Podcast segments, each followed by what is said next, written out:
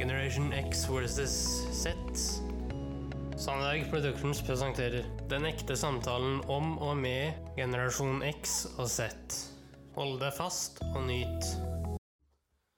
Hei, hei, kjære lytter, og hjertelig velkommen til luke 8 av 24 i Generation X versus Zs julekalender for 2020. Dagens tematikk er, kjære kompan Ja, vi må jo fortsette med folketro. Altså, Vi må ikke glemme vår eldgamle historikk, Henrik. Det er vår store tradisjon. Mm. Og dagens tema det er ikke norsk. Det er faktisk finsk. Ja, det er ikke så langt, altså. Vi Nei, vi skal ikke langt, eh, egentlig. Men eh, den tilhører også vår del av kultur. Ja. Og jeg tenker at vi i dag skal bli litt bedre kjent med den eh, finske badstuenissen. Ok. For Finland er jo ett av eh, to land som er veldig kjent eh, for det der med badstuebruk. Eh, Da kommer Russland da, på en suveren førsteplass. Gjør det, Henrik. Du, før, før vi fortsetter. Du, Mm. Den derre gåten til Natalie i går. Ja, Kan du ta den en gang til, og så må vi få svar også? selvfølgelig. Ja, ja, skal kjøre på. Riddle number seven. Why didn't the turkey want to eat on Christmas? Mhm. Mm. Ja, tenkte vel at eh, den ikke ville bli sett. Ja, Ikke ville bli spist, var mitt eh, tipp. ja det var svar, vet du. Yes. Riddle number seven. Answer. Because it was already stuffed. Mm, ikke sant? Den var allerede stappet. Eh, og mens vi er i gåtekjøret, skal vi ta dagens gåte. Ja da, det må vi, Henrik. Yes. Riddle number eight. Santa was having problems with his legs and was unable to walk, so he went to the hospital to ask the doctor if he could recommend something for him. Mhm. What did the doctor give to Santa to help him to walk? Ja. Eh, hva var egentlig det hun sa helt mot slutten her? Nei, altså det Spørsmålet er hva ga legen til nissen for å hjelpe han å gå? Ok, ja. Jeg vet svaret, så jeg skal ikke si noen ting. Da skal du si noe. Nei. Ja, svaret får du i morgen. Vi går videre. Skal du prøve å tippe, eller? Altså, hva- gir liksom legen julenissen? Uh, For å hjelpe han å gå, da. Vel å merke, det er eh, innlagt i regnestykket her. ja. Nei, jeg er helt blåst, jeg nå også. Seriøst? Ja, seriøst. Jeg har liksom ikke et eneste kreativt forslag her. Det er et veldig enkelt svar, altså. Ja, det er helt sikkert, Henrik. Men Henrik, skal vi ta den eh, finske badstuenissen? Vær så god. Den finske badstuenissen. Som i alle nordiske land ble julen også i Finland feiret som midtvinterfest i førkristelig tid. Den var en stor og kjærkommen fest i den lange mørketiden. En viktig del av de finske juletradisjonene har alltid vært i julebadstuen, altså badstubadet til jul. Denne og en rekke andre juletradisjoner har finnene holdt i hevd helt siden hedensk tid. Og troen på og respekten for badstunissen hadde kanskje til og med en enda viktigere rolle enn fortidens guder og gudinner. Mye i det gamle Finland ble beskyttet og tatt vare på av nisser og alver. Til gjengjeld måtte disse alltid behandles godt. Finnene hadde stor respekt og ærefrykt for alle sine mystiske vesener som holdt til både innendørs og på gårdsplassen. Badstuenissen bodde naturligvis i badstuen, nærmere bestemt på plassen mellom badstueveggen og ommen. Her sørget han for gode og fredelige badstubad for menneskene, og han passet på at det ikke begynte å brenne der inne.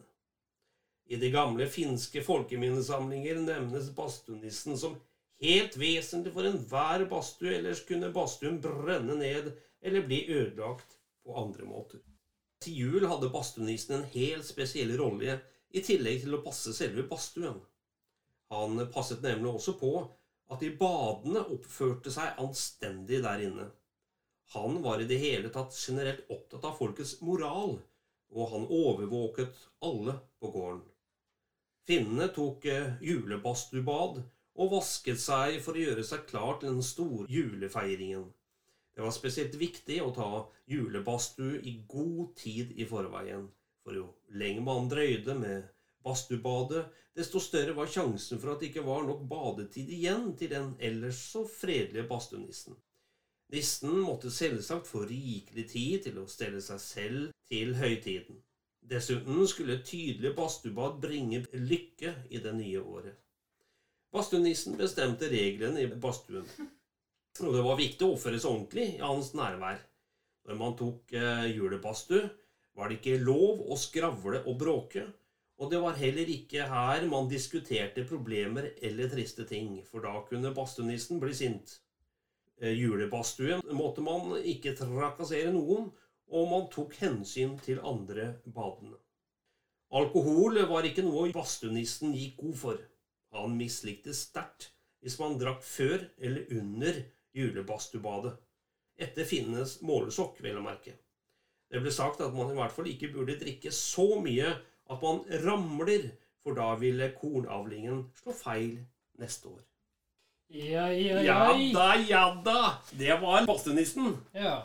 Nei, men det hørtes jo ut som eh, de hadde en sånn gammel bestefar som var sånn eh, Ja. litt snill, litt sånn småsur hvis ting ble feil. ja.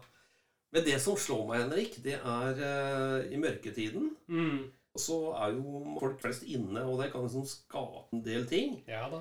Og så har man da enkelte vesener som man har så stor respekt for, for å holde moralen oppe blant folk. Og det Ja. synes jeg er helt glimrende. Ja, ja, ja. Altså, Det er du- genialt. Ja, som jeg var inne på nå nettopp, så har man jo på en måte en gammel bestefar eh, som blir enten veldig sur eller er veldig fornøyd.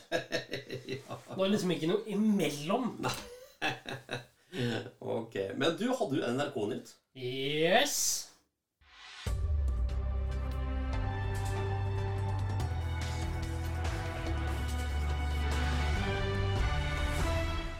NRK-hjørnet.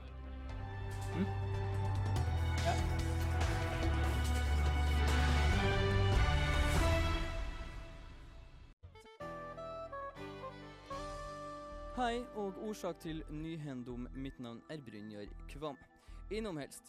Mannen i 20-åra som i går kveld ble funnet drepen, årsak drapen med ei kjøttøks, ble i dag tidlig i tolvtida identifisert som ei av de tre som nå bare er to.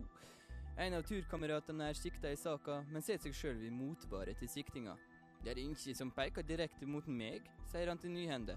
Mannen som til daglig arbeider i familiebedriften Jotun kjøttøks- og kistesnekkeri, hevder at politierne gjør en slett jobb som sikter ham på bakgrunn av de fire tidligere øksemordene han har råka.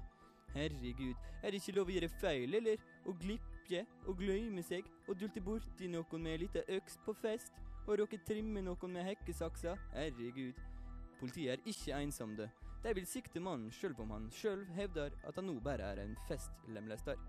Nå utomfjords. Hiv-viruset har i dag frivillig slutta å reprodusere seg. Det er uttalt i dag i ei pressemelding at det har forståing for at det har råka masse usemje i været, og årsaker dette. Samtidig har malariamyggen dødd ut, og temperaturen i Sibir stabiliserer seg. Yes, ladies and gentlemen, you're listening to Nyhendnad, and my name is Brynjar Kvam.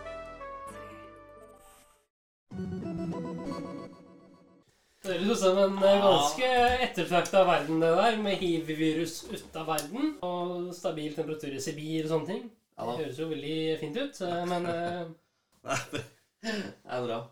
Jeg har kosa meg da, Henrik. Jeg bare gleder meg til i morgen. ja, det blir bra. Sammen med deg, selvfølgelig. Ja, det blir bra. Ja, takk skal du ha, gutten min. Bare hyggelig. Tusen takk for at du fulgte oss. Eh, Gi gjerne tilbakemelding, likes eller kommentar på Facebook-siden vår Generation X versus Z. Velkommen igjen til neste podkastepisode. Hei då!